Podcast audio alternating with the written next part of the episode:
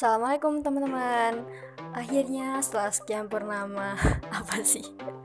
Akhirnya kita sampai juga ya di part ketiga BMW nya Oke di part pertama kita udah bahas 5 tips. Di part kedua kita juga udah bahas 5 tips. Berarti di part ketiga kita bahas 4 tips lagi Bagaimana memanfaatkan, memanfaatkan waktu. Oke buat yang belum tahu tips sebelumnya apa bisa cek aja uploadan gue sebelumnya ya. Oke kita mulai dari tips 11 yaitu yang pertama eh yaitu yang ke 11 adalah tekan diri kita. Sadar gak sih? Kalau sebenarnya motivasi yang paling ampuh itu adalah tekanan.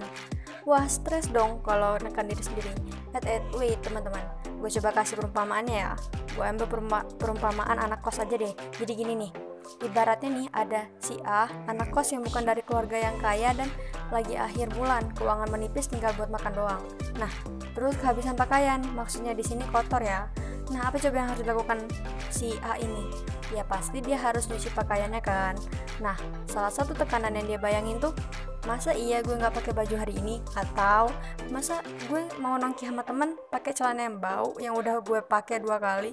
Kan nggak mungkin kan? Nah, itu tuh. Jadi itu dia salah satu contoh sederhana kanan yang menimbulkan aksi nyata. Oke, selanjutnya yang ke-12 yaitu motivasi diri kita untuk bertindak. Sejatinya kita itu udah kebanyakan motivasi tapi minum aksi teman-teman, ya nggak sih?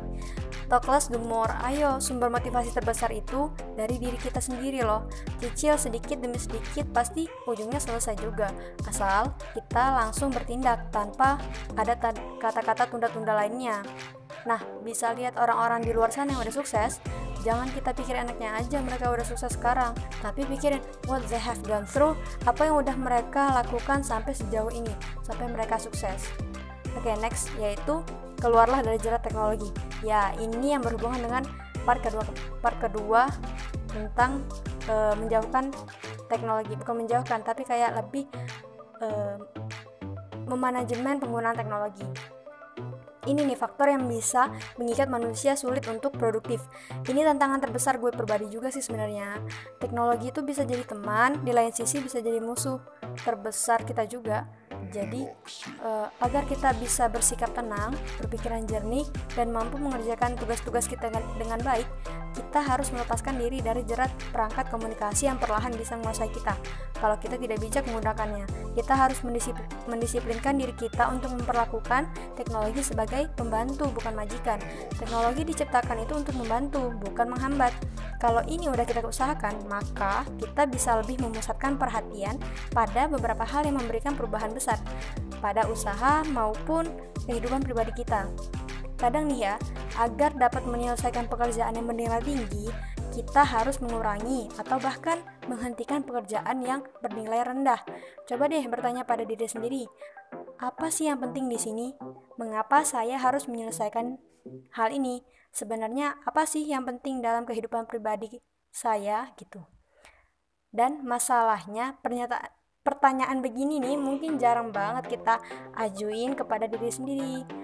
And you must also keep in mind that masing-masing orang itu punya skala kepentingan yang berbeda-beda. Jadi, jangan ukur orang lain dengan alat ukur pribadi kita ya.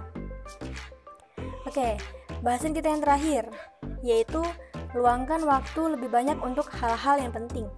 Kalau waktu kita, tidur kita itu biasanya 8 jam, bisa lah dipangkas dikit jadi 6 jam atau 4 jam. Eh tapi 6 jam itu aja udah lama kok, udah lama loh ya teman-teman. Kalau biasanya waktu main game kita 4 jam, bisalah kita kurangin jadi 2 jam. Yuk kita coba luangkan waktu kita demi hal-hal yang bisa buat kita produktif. Hal-hal yang penting untuk kita kerjakan dan selesaikan. Kalau kalian pernah tahu 4 skala kuadran prioritas yang dari Dwight Eisenhower itu yang masing-masing bagiannya ada list kegiatan penting dan mendesak, penting namun tidak mendesak, mendesak namun tidak penting, tidak penting dan tidak mendesak. Coba deh pakai skala prioritas itu. Ya emang sih, nyusun skala prioritas itu tidak semudah kelihatannya dan bagi yang belum terbiasa pasti bakal jadi tantangan tersendiri. Tapi nggak ada salahnya kan buat dicoba. Atau minimal gini deh, tiap malam atau sehari sebelumnya kita uh, kali ya kita harus nulis list to do alias apa yang harus mau kita kerjain apa yang mau kita lakuin esok harinya dan diurutkan dari yang penting sampai yang nggak penting atau kurang penting semangat mencoba Alhamdulillah akhirnya udah 14 tips kita bahas ya tentang bagaimana meningkatkan produktivitas kita dan bagaimana lepas dari jerat tunda-menunda.